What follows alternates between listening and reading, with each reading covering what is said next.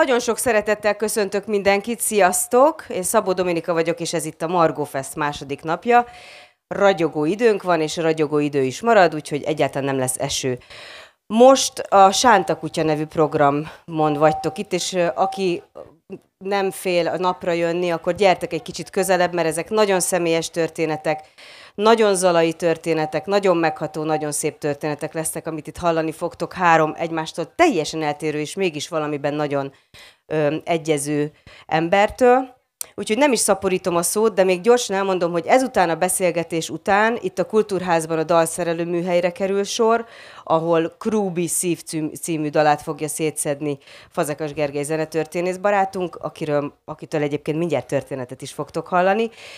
Szintén 17 órától a templomkertben Tompa Andrával beszélget Valuska László, és 18.30-tól pedig a templomkertben az MVM Backstage beszélgetés sorozat mai állomásán ott Anna beszélget Szabó Benedekkel, a Galaxisok tagjaival és Sallai Lászlóval, és a program a fesztivál kiemelt támogatájának az MVM-nek köszönhetően jön létre. Maradjatok velünk, és fogadjátok sok szeretettel azt a három bátor embert, aki három nagyon izgalmas, valamiért Zalához köthető történetet hozott közénk. Elsőként én Gergő, téged szólítalak, hogy mesélj nekünk arról, hogy mi köze lehet egy sebész főorvosnak Keszthelyhez, és Zalához, és Budapesthez, és minden olyanhoz, ami, amit, amit elhoztál most közénk.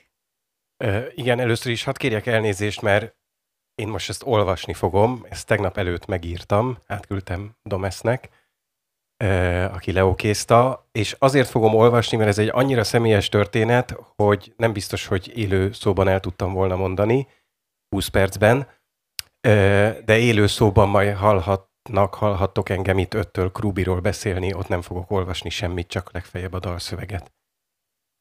Újra olvasom Ottlikot. Az iskola a határon második részének első fejezetében a következőket írja. Nem tudom kifogástalan időrendbe szedni az eseményeket, pedig szeretném. Igaz ugyan, hogy mindez, s még sok más is, amit majd el kell mondanom, egyszerre volt érvényes egy időben. Minden kis mozzanathoz, és minden részlethez előzmények hosszú sora fűződött, sőt folyományok, következmények, később történt dolgok tartoztak hozzá, melyek visszamenőleg, visszahatólag egészítették ki a jelentését, tették teljesé az értelmét, és kölcsönös vonatkozások és kapcsolatok indáztak keresztül kasul mindent. Szívesen beszélném el én is időrendben apám történetét, de nem tudom, mert a kezdő dátum, ahonnan elindulunk, valójában nem indított el semmit. Épp ellenkezőleg. Lezárt egy életet. 1999. január 27. Mozart 243. születésnapja. Megnézem a Google naptárban, hogy milyen napra esett, a havi nézetet átállítom éves nézetre, kattingatok vissza az időben, 2022, 2021, 2020, 2019, 2018, kevesebb, mint fél másodperc egy év, kicsit megszédít ez a felpörgetett időutazás. Nem utazom persze sehova, csak ellenőrzöm az emlékeimet. És jól emlékeztem, 1999. január 27. szerdára esett. Ezen a szerdán halt meg az apám. Amikor utoljára nála voltam, Mozartot hallgattunk. A szüleim évekkel korábban elváltak, úgyhogy nem találkoztunk sűrűn, de néhány hetente vagy feljött Pestre, vagy én leutaztam hozzá helyre, mert itt volt sebész főorvos. Én egyetemista voltam ekkor, a harmadik évemet töltöttem az ELTE bölcsészkarán, csak később felvételiztem a Zeneakadémia zenetudományi szakára, apám ezt már nem érhette meg. A klasszikus zene iránt azonban ő is rajongott. Csajkovszki B-moll zongora versenye volt a kedvence, és most is előttem van a tekintete, eh, ahol bár lehet, hogy csak képzelem, ahogy vékony fémkeretes szemüvege mögött a lakótelepi nagyszoba panelpolgári kanapéján ülve, szürke mackó és piros-fekete kockás flanelingben látom magam előtt, beleréved a messzeségbe, miközben a zongora hatalmas dezdúr akkordjai fölött elindul a nyitótétel vége láthatatlanul áradó szívettépő dallama a hegedűkön. Sokszor föltette a lemezt, amikor még Budaörsön laktunk együtt, egy tízemeletes lakótelepi ház nyolcadik emeletén a 80-as számú lakásban. A borítón Cyril betűkkel szerepelt, hogy Pyotr Ilyich Csakovszki. Fontos volt számára az orosz szál. Moszkvába járt ki a kandidátusi diszertációja megírásához. Ez volt a PhD államszocialista verziója. Fantasztikus dolgokat hozott haza az utazásaiból. Egy vas serpenyőt például, amelybe bele volt öntve az ára, két rubel. Vagy egy csajka márkájú játékautót, azt a luxus típust, amelyet a kommunista párt főkáderei használtak a való életben. Apám hasi sebész volt. Kandidátusi disszertációját a májtájogokról írta. A Szovjetunió egyik legjelentősebb grúz származású máj specialistája, dr. Todua Fridon Ipolitovics volt a témavezetője. A májtájogok diagnosztikája és terápiája. Emlékeim szerint ez volt sikerrel megvédett disszertációjának címe. Az én bő 30 évvel későbbi doktori disszertációm címe kevésbé célra törő, Johann Sebastian Bach és a zenei forma két kultúrája. Hadd idézzek egy-egy bekezdés mindkettőből. Apám diszertációjában ez olvasható. A punkció technikájának megfelelően a drénezést is helyi érzéstelenítésben végezzük, a mandrinos kinyújtott kosarú stilet katétert a bőrön ejtett fél egy centiméteres incízió után vezetjük transzhepatikusan a tájogüregbe. És akkor jöjjön egy idézet az én disszertációmból. Ez utóbbi tematikus egység sajátossága, hogy a két összetartozó téma megjelenés nem dux-comesz sorrendben követi egymást, hanem fordítva, a molba transponált Comesz után ráadásul ugyanaz a másfél ütemes kodetta következik, amelyel az expozícióban találkozhattunk. Nem érzem a lényegi különbséget a két szöveg között. Mindkettő érthetetlen a világ jelentősebb része számára, és mindkettő nagyon erősen szeretne megérteni valamit a világ jelenségei közül. Apám a májtájogot, én Bach fúgáit. Néha azt gondolom, hogy amikor zenét elemzek, legyen szó egy Bach tételről vagy egy Krúbi számról, Valójában apám nyomdokaiban járok. Szellemi szikével nyitom fel a zene testét, hogy megnézzem, mi van a felszín alatt. Nagy különbség persze, hogy itt nincs tájog. A zenei genny leszívására nincs szükség, csak valamiféle esztétikai perverzió működteti a vágyat, hogy a felszín alá nézzünk. Nevezhetjük egyszerűen kíváncsiságnak is. Apám mindig azt mondta, hogy a sebészet mechanikus szakma, mint az ács, vagy az asztalos. Ismerni kell az anyagot, jól kell tudni vágni, illeszteni. Az igazán komoly szakma az anesteziológusé, mondta mindig apám. Ő készíti elő a beteget, ő dönti el, hogy műtétre lehet-e bocsátani, ő altatja el, tartja a műtét során megfelelő állapotban, és ébreszti fel a megfelelő időben. Anyám anesteziológus, biztos ez is ott volt apám szavai mögött. Egy alkalommal aztán szemtanúja lehettem, hogy a sebészet, mint mechanikus szakma mit is jelent a valóságban. Jelen voltam egy műtéten, amelyet apám vezetett le. 1998 nyarán történt a Keszthelyi kórház műtőjében. Soha nem fogom elfelejteni, ahogy a főorvosi szobában ülünk, megcsörren a telefon, hogy a beteget betolták a műtőbe, én már indulnék, hajt az izgalom, de apám még rágyújt egy cigire, és földön túli nyugalommal leül a műbőrfotelbe. Sok ezer műtéten lehetett már túl eddigre, ez a műtét ráadásul rutinnak számított. Igaz, kedvelt szavajárása volt, hogy a műtét csak az orvosnak rutin, a betegnek soha. Van még időnk, mondta, miközben kifújta a füstöt. Egyikünk sem sejtette akkor, hogy neki már nem sok ideje volt hátra, bő fél év. Amikor 1997-ben leköltözött Pestről Keszthelyre, katasztrofális állapotokat talált a kórház sebészeti osztályán. Gyakorlatilag egyetlen sebésznek sem volt operatív gyakorlata, mivel az összes műtétet az előző főorvos végezte. És az összes paraszolvenciát ő tette zsebre. Apám komoly meglepetést okozott, amikor elkészítette az első műtéti beosztást, és nem tartotta meg magának az összes műtétet, sőt, fontosnak tartotta, hogy a fiatalok minél előbb gyakorlatot szerezzenek. A műtét, amelyen részt vettem, ugyancsak erről szólt. Apám asszisztensként volt kiírva, a hivatalos sebész egy fiatal srác volt, élete első műtétjére készült. És az az igazság, hogy apám asszisztenciájával én is el tudtam volna végezni a műtétet. Bárki el tudta volna végezni. Ott állunk a Keszthelyi kórház műtőjében, bemosakodva, műtős ruhában, maszkban, előttünk a beteg, szájában a tubus, mozdulatlanul alszik, teljesen le van takarva, a hasán egy kis rész marad csak szabadon, az is leragasztva átlátszó tapasszal. Az operátor srác reszket az izgalomtól, Magamban azért fohászkodom, hogy a keze remegjen legalább. Apámból árad a nyugalom. Szikét kér, felvágja az átlátszó tapaszt, alatta a bőrt, halad előre a góc felé. Onnan, ahol álltam, szerencsére nem látszódott jól a folyamat, csak annyit láttam, hogy apám hosszan matat, majd azt mondja a srácnak. Itt vágd el. A srác lassan, óvatosan odanyúl a szikével és vág. Apám megint matat, majd újra szól. Most itt vágd el. Ez ismétlődik néhányszor, és kész. Ezt nevezem asszisztenciának. A fiatal sebészfiú átesett élete első műtétjén. Persze nem csak a Keszthelyi kórházban voltak katasztrofális állapotok, egészen más módon és szinteken, de Pesten is rettenetes volt a helyzet. Apám nem jó szántából költözött Keszthelyre. Egy aprócska faluban született a Kisalföldön, a falu neve Arak, a Google térképén már szerepel, de régi nyomtatott térképeken nem is volt rajta. Ha az ember letér az autópályáról Győrben és Mosonmagyaróvár felé indul a kis kacskaringós úton, akkor Darnózseli után halászi előtt kell befordulni, hogy Arakra érjünk. Ott van eltemetve apám. Faluszéli picike temetőben. A szülei mellett.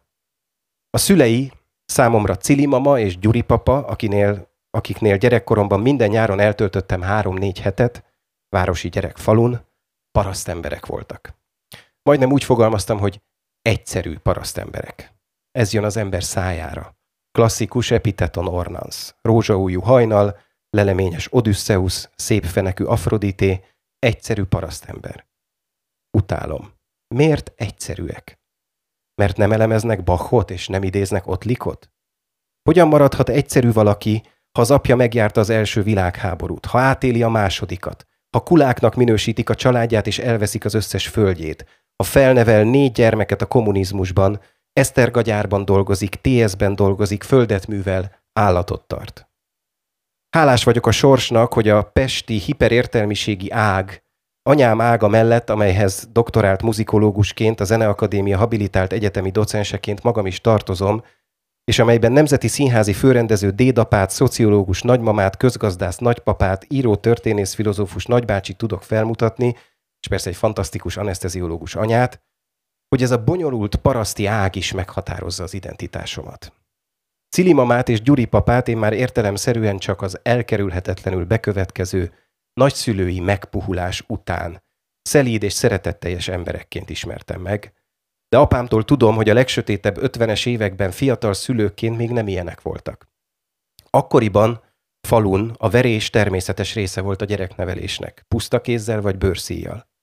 Apámat, aki kivételes intellektusának köszönhetően 14 évesen a győri bencésekhez került, és már kiskorától kezdve imádta a könyveket, Rendszeresen azzal büntették, hogy megtiltották neki az olvasást. Ezen egy pillanatra érdemes elgondolkozni egy irodalmi fesztiválon. Nem tudom megkérdezni tőle, hogy boldog volt-e a gyerekkora, és amikor még meg tudtam volna kérdezni, nem érdekelt. Kit érdekel fiatalon az apja gyerekkora. De úgy képzelem, hogy nem volt az. Nehéz szívvel látogatott haza, amikor évente néhányszor a nagyobb ünnepeken és nyáron arakra mentünk. Szerette a szüleit, és nehezen viselte a szüleit. A 70-es években nem volt egyszerű a katolikus gimnáziumból bekerülni az orvosira, a maximumon túl kellett teljesíteni, de apámnak szokása volt túl teljesíteni a maximumon, nem érdekelte, hogy beleroppan-e. Sokszor bele is roppant, aztán ment tovább. Elsőre felvették a sotéra, jöttek a kollégista évek, az éjszakában nyúló tanulások és bulizások, rászokott a cigire, az egyik nyári építőtáborban egy tornaterem építése közben összeismerkedett anyámmal, Mindkettejüknek ez volt az első nagy szerelem, amelyből lettem én, két világ találkozásából született szerelemgyerek. Első generációs értelmiségiként apám nagyon vágyott arra a világra, amelybe anyám családja és a pesti orvostársadalom révén bekerült.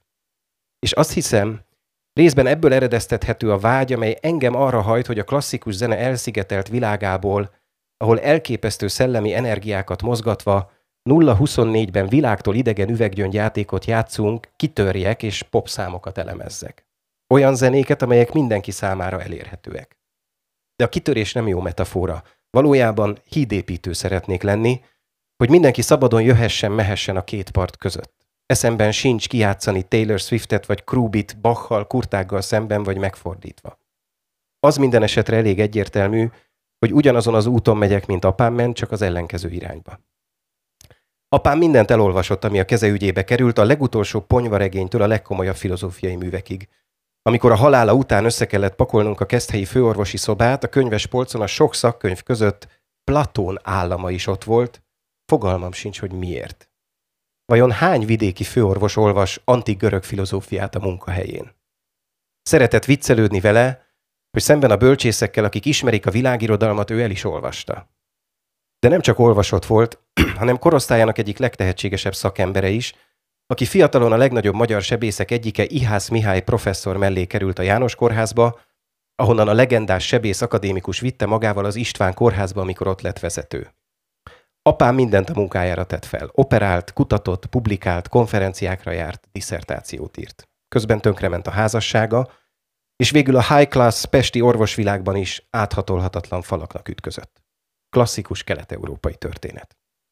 Nem csak Moszkvában képezte magát, 1995-ben már a rendszerváltás és a vállás után három hónapos ösztöndíjjal az Egyesült Államokban dolgozott az Atlantai Emory University-n.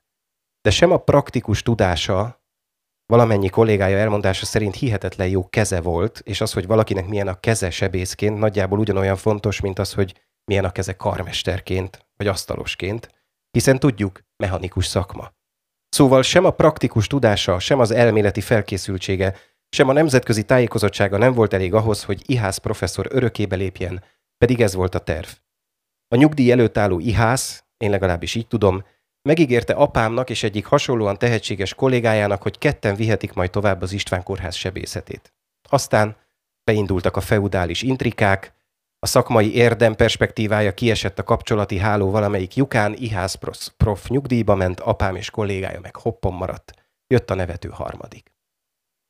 Krúbi legújabb Krúbi interjú című számában szerepel egy erős mondat, sok erős mondat, de ez az egyik, kapják be a faszom a nagyöregek. Azt hiszem, ez, a mindennél, ez mindennél frappánsabban fogalmazza meg azt az érzést, ami apámat arra sarkalhatta, hogy maga mögött hagyja egy életre a cselszövésekben dagonyázó, középkori struktúrájú pesti orvostársadalmat, és kezd helyre menjen főorvosnak. Az ugyancsak hoppon maradt kolléga Nagy Kanizsán folytatta. Elengedte a nagyra vágyó szakmai perspektívákat, a nemzetközi kapcsolatokat, a kutatói munkát. Maradt az, amire Hippokratész nyomán felesküdött. A gyógyítás. Apámnak nem adatott meg, hogy nagy öreg legyen, ahhoz túl fiatalon halt meg, de remélem, ha én is intrikus nagy öreg leszek egyszer, engem is elküldenek a faszba a fiatalok.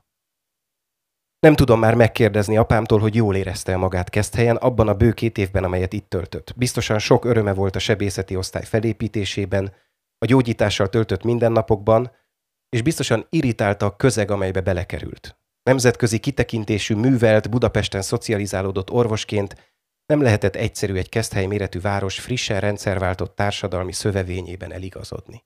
Emlékeztetőül, a 90-es évek második fele volt az az időszak, amikor helyi politikusok tudtával forgattak pornófilmet a Festetics kastélyban. Akárhogy is, Keszthely meghatározó szerepet játszott az életében, ha másként nem azzal, hogy itt fejezte be. És ilyen módon az én életemben is meghatározó szerepet játszik a város. 1999. január 27-én éjjel, valójában már 28-án hajnalban váratlanul arra ébredtem, hogy anyám a másik szobában folytott hangon beszél valakivel telefonon. Mint később kiderült, a nagybátyám apám nagyobbik öccse hívta.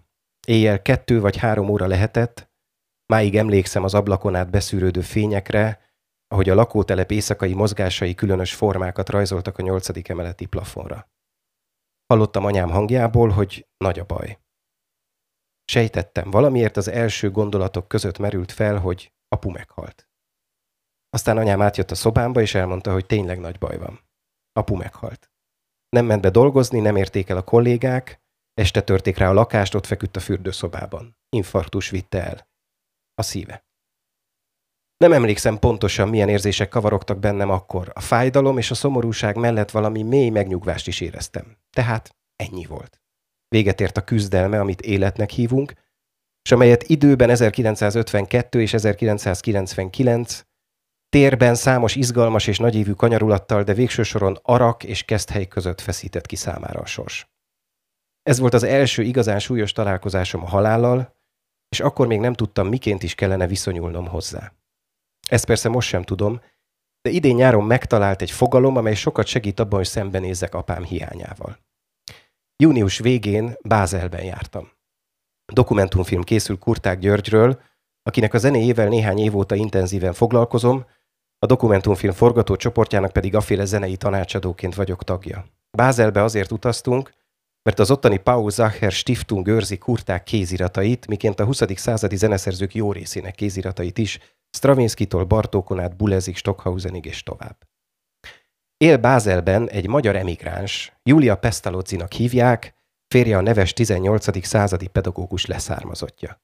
Amikor megtudta, hogy jövünk, meghívott engem és a film rendezőjét vacsorára a házába. 1956-ban 17 évesen emigrált Svájcba, vagyis jócskán 80 fölött jár már, de még mindig aktív gyerekpszichológus. Egyedül készített háromfogásos vacsorát, és szellemileg frissebb, mint a rajna, amelyben a bázeliek úszkálnak. Ülünk a kertjében, konyakot nyalogatunk csiszolt üvegpohárból, ez a bázeli kert, maga a megtestesült polgári Budapest a két háború közötti időből. Kurtágról beszélgetünk, meg Kurták Beckett operájáról, amit 2018-ban mutattak be a Milánói szkálában. Júlia elmondja, hogy mennyire fontos számára Beckett és Kurtág, akivel amúgy személyes barátok, majd meséli, hogy Beckettnek köszönhetően került a pszichoanalízis látóterébe a negative capability fogalma. A kifejezés John Keats egy 1817-es leveléből származik, amelyben így ír. I mean negative capability, that is, when a man is capable of being in uncertainties, mysteries, doubts, without any irritable reaching after fact and reason. Gyors és nyers fordításomban a negatív képességre gondolok arra, amikor képesek vagyunk bizonytalanságok, rejtélyek, kételyek között létezni anélkül, hogy idegesítő módon a tények és a józanész után kajtatnánk. Egyszerűsített fordításban valahogy így szólna, a racionális magyarázat nélküliség elfogadása. De lehet, hogy még egyszerűbben is lefordítható Keats fogalma. Elfogadás. Szokták mondani, hogy nincsenek véletlenek. Nem tudom, hogy vannak-e. Az minden esetre gyanús, hogy éppen ezen a nyáron találkozom ezzel a fogalommal, és éppen ezen a nyáron érkezik a felkérés a Margó Fesztől, hogy mondjam el apám történetét. Kitüntetett nyár ez a mostani az életemben, mert most vagyok éppen annyi idős, amennyi apám volt, amikor meghalt. 46 éves volt. 46 éves vagyok.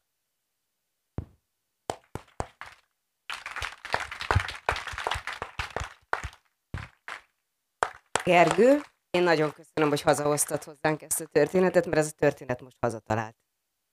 Hoz. Ö, most jó?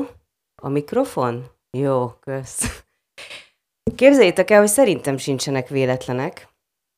Egyrészt azért, mert a Gergő, a témavezetője következő mesélünknek Ács Dominikának a Zeneakadémián, és esküszöm, hogy nem beszéltük ezt meg előre.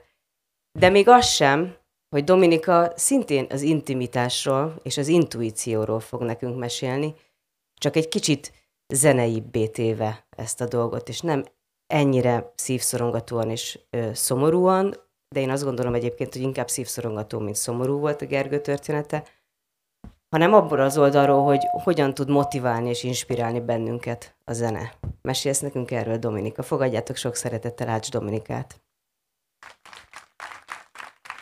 Köszönöm szépen. Igen, hát nagyon-nagyon tudtam Gergőnek a történetéhez kapcsolódni, és majd azt hiszem, hogy később megértitek, hogy miért is, főleg a... Várjál, Dominika.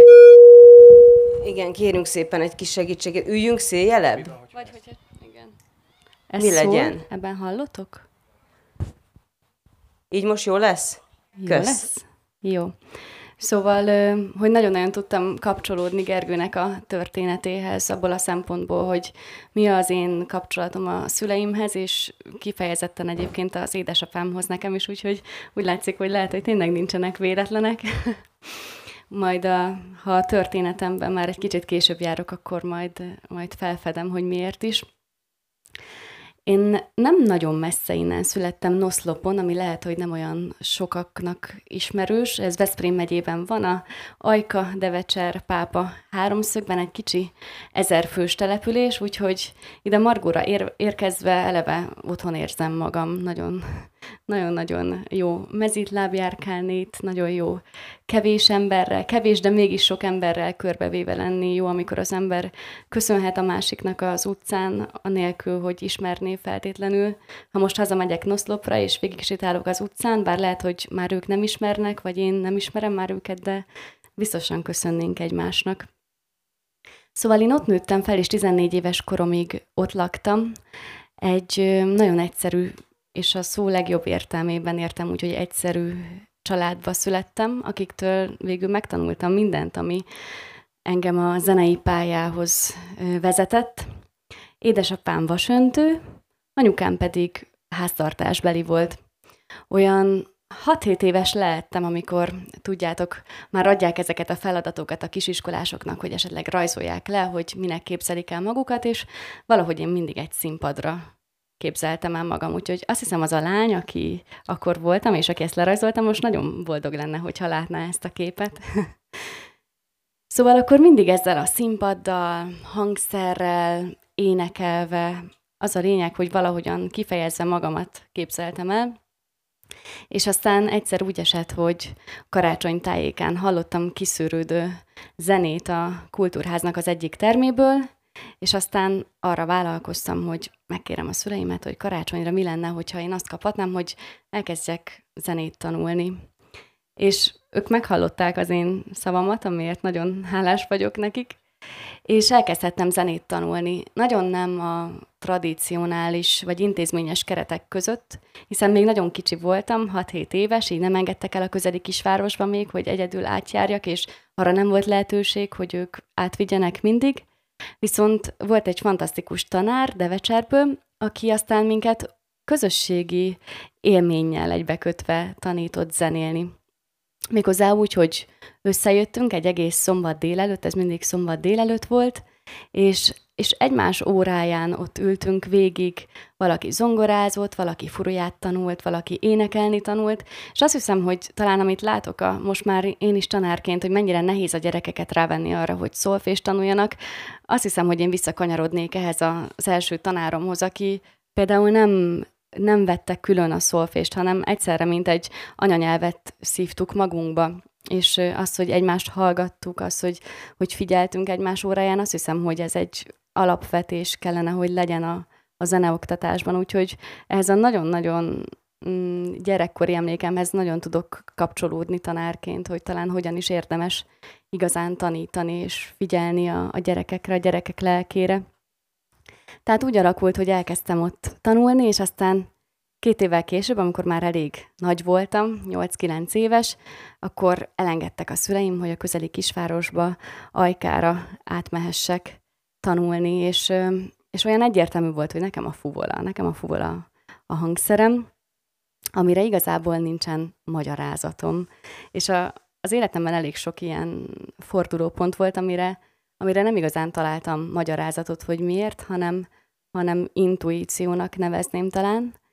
És ami bennem egy kérdés, hogy vajon egy szülő, még nem vagyok szülő, de úgy elképzelve, ha gyerekem 6-8 évesen elém áll, és azt mondja, hogy ő eldöntötte a hivatását, amihez nekem semmi közöm nincsen, és fogalmam nincsen, hogy ez mivel jár, akkor vajon mi a legjobb, amit tehetek.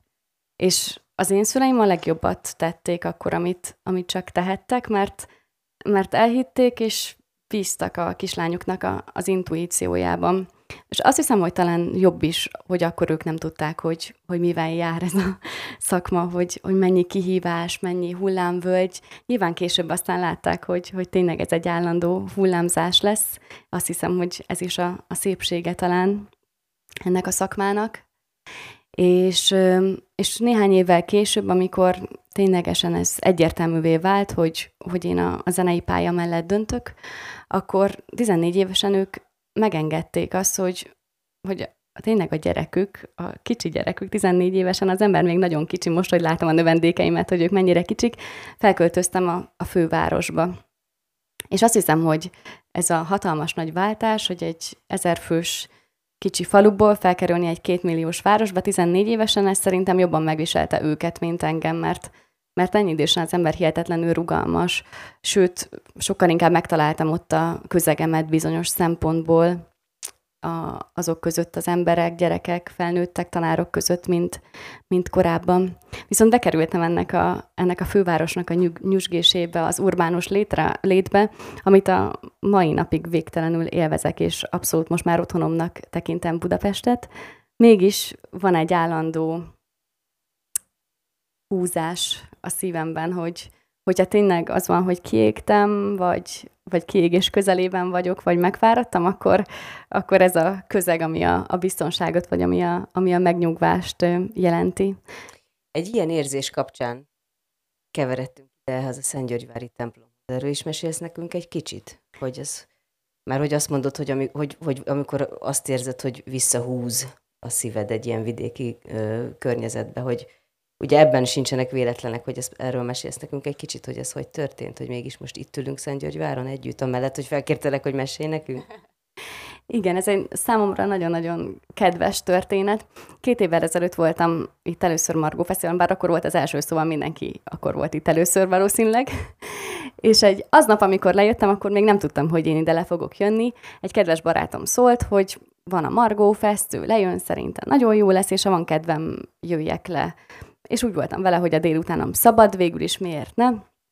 És hát egyből nagyon-nagyon megragadott a hangulata, a közvetlensége, a, a kedvessége ennek a, a fesztiválnak. És olyan éjfél tájékában volt a, a tervezett visszaindulás kocsival, és csak szerettem volna egy kicsit egyedül lenni, elvonulni, szépen megemészeni ezt a rengeteg-rengeteg impulzust, amit itt kaptam a, a délután során, és ott fent a templom dombon ücsörögtem, mellettem ült ez a kedves barátom, és akkor mondtam neki, hogy most úgy elképzelem, hogy kinyílnak ennek a templomnak a kapui, az ajtaja, és akkor oda be lehet aztán menni, és zenét lehet hallgatni, hogy ez milyen csodálatos lenne, nem? És mondta, hogy hát igen, végül is igen. És aztán ez a, ez a gondolat, ez úgy velem maradt aztán elég sok ideig, és miután azt hiszem, hogy én így működöm, hogy valami így erősen bennem van, és akkor az már annyira nem hagy egy ideig, hogy, hogy végül is megnéztem, hogy mi ez a Margó Fesztivál, hogy ki, kivel tudnék itt kapcsolatba kerülni, hogy megkérdezzem, hogy esetleg nem nyithatjuk ki-e az, azokat a bizonyos ajtókat.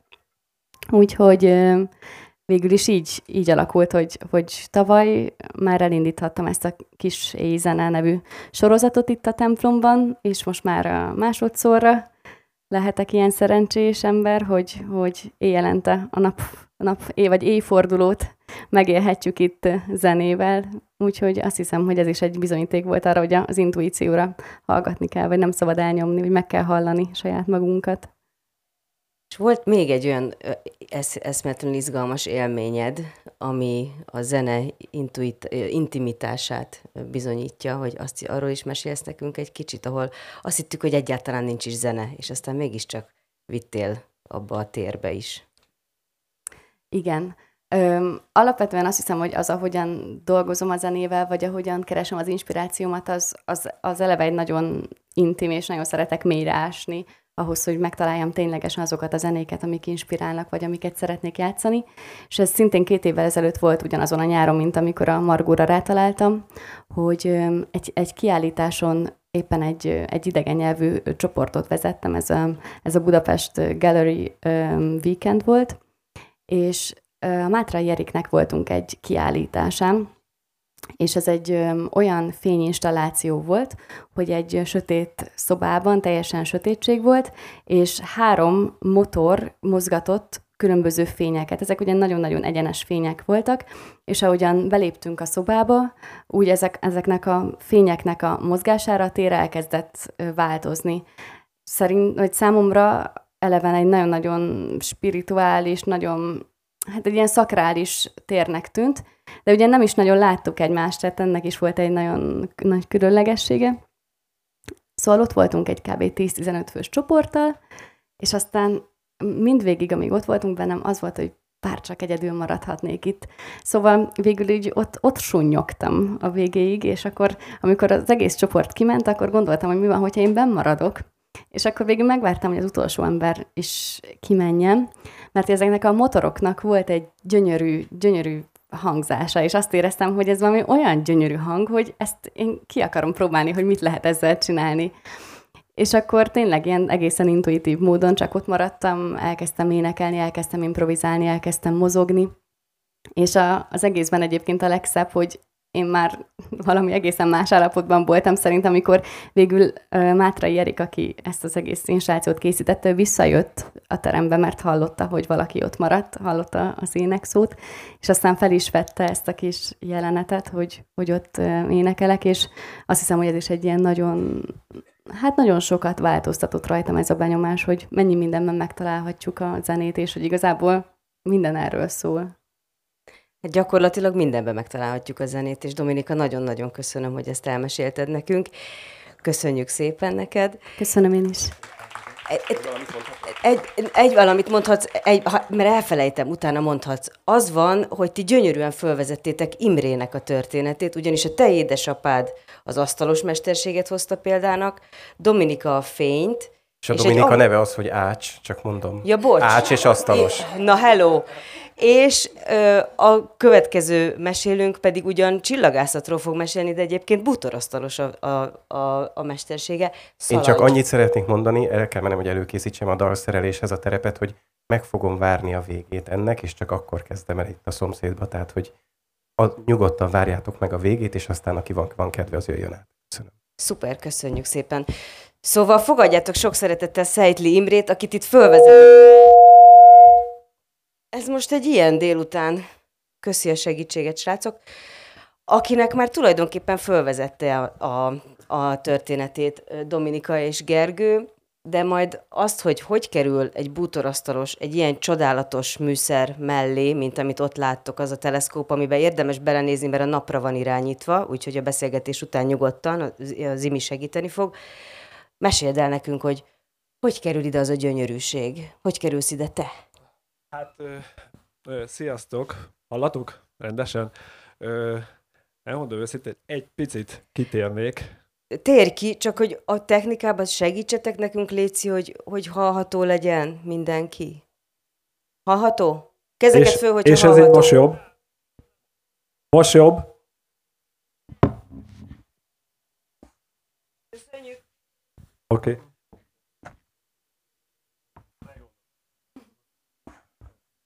Jó. Ö, kis akadály volt. Egy kis kitérővel kezdeném, hogy már mondtad te a futbolát, és hogy, hogy majd valakinek a lánya esetleg, hogy hát velem megtörtént, ugye, Bocs, és az én Imi, lányom. Imi, ne haragudj, megint meg, hogy állítsalak. Nem jó ez a mikrofon, tehát itt magam hallom. Segítsetek, Léci.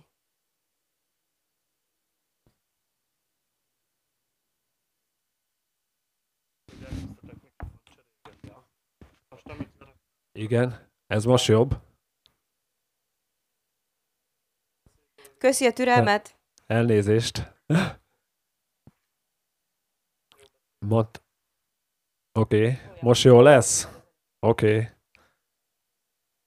Oké, okay, és akkor jó lesz? Most hallatok? Mindenki hall? Hátul is? Na, akkor kezdjük előről, ugye már amit mondtál, hogy a, hogy mi van, hogyha valakinek a lánya velem megtörtént, ugyanis az én lányom, tényleg nem beszéltünk össze, az én lányom ő, tényleg 9-10-11 évesen ő is ugye ezt mondta, hogy ő szeretne zenei menni, és ő is a fuvolát választotta, úgyhogy, úgyhogy tényleg erről nem volt szó, nem. erről tényleg nem nincsenek volt véletlenek. szó, hogy tényleg nincsenek véletlenek, meg az, hogy itt mindenki itt volt az asztalos. Na hát, de végül is én a csillagászatként, ö, csillagászként, amatőr hobbi csillagászként vagyok itt. Ö, egyébként este fönt meg fogtok találni minket a, a nagy színpadnál, de hogy hogy is kezdődött az egész? Ugyebár amikor veled beszélgettünk, kérdezted tőlem, hogy, hogy mégis hogy kerültem ez, ez a dologhoz közel, és mondtam neked, hogy ez e, e, van egy rövid, egy, nagyon közeli, meg van egy nagyon távoli része ennek az egésznek, úgyhogy ö, ö, biztos sokan tudjátok, főleg az idesebbek, hogy ki volt az első magyar űrhajós. Azt ugye, ugye mindenki tudja. Bekiabálásos alapon. ugye bár Farkas Beltalan volt a, az első magyar űrhajós, és azt viszont már sokkal kevesebben tudják, hogy ő mikor volt fent az űrbe, még talán évet is nehezen tudnak megmondani, de biztos egy-ketten vannak, de most segítek. Ő 1980. május 26-án volt fent az űrben, akkor indult el ő, Oroszországból. Most ez azért érdekes az én szempontjából, mert én ezen a napon születtem, úgyhogy 20 óra 20 perckor indult az űrbe, én meg körülbelül 14 óra 5 perckor születtem, úgyhogy alig pár nap, pár órás voltam, amikor én már a csillagászat, az űrkutatással már találkoztam, úgyhogy anyukám folyamatosan azzal sztorizgat, hogy hogy fogott a zölébe, amikor megszülettem, és akkor a rádióban, akkor csak rádió volt, tévék még nem igazán voltak, a, szül, a szülészeten folyamatosan szólt a rádió, és egyfolytában fél óránként bemondták, hogy Farkas Bertalan kijutott az űrbe, úgyhogy szerintem ez valamilyen szinten így megvolt ez nekem már alapozva, de ö, de hát ugyebár én erre nem emlékszem, de sokkal-sokkal, hát nem sokkal később, már ilyen 6-7-8 éves lehettem, amikor megkaptam az első csillagászattal kapcsolatos könyvemet, Szerintem nagyon sokaknak megvan az, hogy ég és föld, főleg az idősebbeknek, látom bólogatnak itt sokan, és ez eléggé természettudomány irányú volt ez a könyv, és ezt én nagyon-nagyon szerettem, rengeteget-rengeteget forgattam, és voltak benne csillagképek különböző évszakokhoz, és tisztán emlékszem rá, hogy kis elmlámpával kinfekszek a, a, a fűbe, és nézegetem a könyvet, és próbálom kibogarászni az ége, hogy melyik csillagkép merre lehet, az, hogy ez, ez egy nagyon-nagyon-nagyon erős élmény bennem, és ahogy folyamatosan nőttem, nőttem, egyre jobb, több ilyen élmény jött elő. Ugyebár 96-ban, ha valaki emlékszik rá, akkor egész nyáron, sőt, több mint egy éven keresztül lehetett látni egy üstököst szabad szemmel az égen, Hát én azt rengeteget nézegettem, azt, hogy rengeteget feküdtem kint a fűbe, és nézegettem. Hát természetesen az idősebbeknek emlékeznek 99 napfogyatkozásra, az meg a, az volt a csúcs.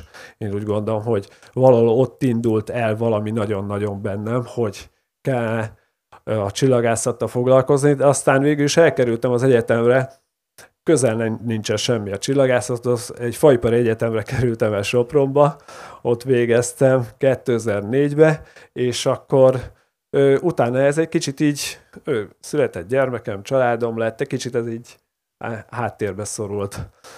És ö, egy olyan öt évvel ezelőtt ö, indult el ez újból, hogy sikerült egy ehhez hasonló kis teleszkópot vennem, meg a, ö, a gyerekkori barátom, akivel azóta 20 éve, akkor 20 éve nem találkoztunk, ő csak egyik délután rám jött, hogy fél látom, van teleszkopot, nekem is van, és akkor na akkor találkozzunk, kezdjünk el valamit csinálni, és úgy gondoltuk, hogy annyira ö, csodálatos élmény, meg olyan szép dolgokat látunk mi ebbe a teleszkópba, meg a, a tudomány, ez az oldal, ennek az oldalának a tudománynak ö, annyira szép, hogy úgy gondoltuk, hogy ezt nekünk valahogyan tovább kell adnunk. Az, hogy első lépésben úgy gondoltuk, hogy talán a, a, az idősebbek, a gimnazista ö, ö, ö, korúak azok, akik, akiket talán érdekel ez a dolog, és az első bemutatónkat kifejezetten nekik szerveztük, hogy gimnazisták és idősebbek jöjjenek, és, és, és hatalmas meglepetés volt, hogy este 9 órakor kezdtünk volna, és 8 órakor még nem volt teljesen sötét, és apukák, anyukák kis óvodáskorú gyerekekkel kézen fogva ott álltak, és mondták, hogy hát, hogy ők bele szeretnének nézni a távcsőbe, csak hát a pici gyermeknek már mennie kell aludni, úgyhogy meg lehetne oldani, hogy egy kicsit előbb kezdjünk. Hát mondtam neki, hogy hát sötét kell hozzá, de olyan szerencséjük volt, hogy Saturnus meg Jupiter pont volt, és annyira erős fényük van, hogy még meg tudták ők már akkor nézni. Úgyhogy ö, hatalmas meglepetés volt, és, és rá kellett jönnünk, hogy teljesen rossz irányt ö, ö, céloztunk meg. Nem a gimnazistákat kell megcélozni, hanem a gyerekeket. A gyerekeket. Azt, hogy akik most itt voltak, itt kint, ők látták, hogy a gyerekek rengetegen vannak, azt, hogy most is meg folyamatosan de meséltél nekem, értem a gyerekeket, de amikor beszélgettünk először, akkor meséltél nekem pont egy arra vonatkozó ö, apró epizód sztorit, amikor egy számodra meglepő valaki egyszer csak visszakanyarodott mégiscsak, na azt elmondod. I- igen, igen, igen. Ö, ez talán két éve történt, ö, pont ugyanilyenkor, szóval szinte kereken két éve történt. Ö, ö, már már négyen vagy öten voltunk a bemutatón, sok-sok, hogy hívják, sok távcsővel, ugyanígy nappal kezdtünk, így ö, ö, alkonyatkor, és egy fiatal hölgy, szerintem ilyen korodbeli lehetett, ott mellettünk állt, és várt a műkörmösre. Az, hogy zárva volt az üzlet, még nem jött meg a hölgy, aki csinálta neki a körmét, és ott várt. És én még pont arra mentem, és mondtam neki, hogy hát amíg vársz, gyere már nézzed meg, olyan szép a hold távcsőben meg lehet nézni, hát nem tart neked sem eddig se. Nem, nem, őt nem érdekli. Elment, ő pont ahogy jött ki, én valami pont megint ugyanarra, ugyanarra jártam, és akkor láttam, hogy jön ki, és mondom neki, tehát figyelj, hát olyan szépek a körbe, gyere már, hogy csinálják. Kb. ez, szuper idegen tőlem az, hogy én nem tudok utcán ismerkedni, de ez valami, ez így nagyon, nagyon úgy jött ki, és hát akkor már azt mondta, hogy hát jó, hát akkor legyen, ha már ennyire, hogy akarom, beszélek rá, akkor ő eljön megnézni, és eljött, ő, tényleg nem, nem el kellett jönni, 5 métert kellett alé menni, benézett a tárcsőbe, és hát ugye az első szó az volt, hogy húha, hát én ezt nem is gondoltam volna, hogy, ő ezt, hogy én ezt fogom látni, és teljesen oda-vissza volt, és akkor ott még ott volt egy 10 percig, akkor beállt még egyszer a sorba, akkor megint megnézte a holdat, és mondta, hogy hát neki már mennie kell, ő maradna, mert tényleg nagyon tetszik neki, ő maradna, de neki születésnapra kell mennie és tényleg el is ment, és alig telt egy, talán egy, egy fél óra, vagy talán három óra, látom, hogy benne áll a sorba, ekkora videóra az arcán, meg mellette a fia, és már mondja, hogy idehoztam a fiamat, és mert ezt neki is látnia kell. Azt mondja, nem volt jó a szülinap, úgyhogy inkább, inkább ide jöttünk, és akkor ott beszélgettünk, váltottunk pár szót, elmagyaráztam nekik, hogy mit látnak még egyszer, és mondtam nekik, hogy egy kicsit arra majd éjszaka meg Saturnus meg Jupitert fogunk akkor nézni. Hát ő nem, mert hát tényleg nem, nem jöhetem még egyszer a szűnapról, annak ellenére a sötétbe egyszer oldalba bökött, hogy tehát mégiscsak ide jöttem, mert ez nagyon érdekel, az, hogy ö, arra akarok kiukadni, hogy nagyon sokan nem, nem tudják, hogy mit fognak látni, hogy mit is, mit is látni egy ilyen teleszkópban, ö, de és akkor egy ilyen kis apró mozdulattal, apróval rá lehet venni őket, hogy, hogy igen, igen, ezt, ezt érdemes megnézni, és nem, nem kell kiadni. Még zárásként annyit mondj nekünk, légy szíves, hogy jelenleg most mit jelent neked a csillagászat, mert hogy foglalko, van egy, van egy csillagász klubotok, vagy egyesületetek, Igen. és hogy a mindennapjaidban ez hogy néz ki? Hát, hát most a mindennapjaimat szinte teljesen kitöltöttem, mert most nagyon-nagyon sok eladást tartunk, meg bemutatót, hogy folyamatosan erre készültünk, de egyébként nekem ez a, az abszolút kikapcsolódás, az, hogy én nem tudok egyszerre egy dologra figyelni. Én, hogyha a tévét nézek is, mellette mindig csinálok valamit. Akármit, mindig két-három dolgot csinálok. Egyedül ez a csillagászat az, ami olyan szinten ki tud kapcsolni, meg olyan szinten el tudok merülni benne ebbe a dologba, hogy mellette nincsen semmi. Még zenét se szoktam hallgatni, azt, hogy ez nagyon fura. Még a zene mindig megy körülöttem, de nem, ez, ez csak is ez, és én, én hajlamos vagyok rá még így, így nyáron is így, akkor rövidek az éjszakák, 10 órakor kimenni, és hajnal háromkor visszamenni. És reggel hatra meg menni dolgozni természetesen. Hát van akinek a zene, és van akinek a fény. Úgyhogy én nagyon szépen köszönöm, hogy itt voltatok, és nagyon szépen köszönjük, hogy meghallgattatok bennünket. Az az érdekes, hogy a Gergő mindjárt előadást tart, az Imi megmutatja nektek a csillagokat ma este, és a Dominika jóvoltából pedig fönt a templomba, nagyon intim környezetbe gyönyörű zenét is hallgathattok, úgyhogy köszönöm, hogy itt voltatok velem. Köszönöm. Köszönjük szépen.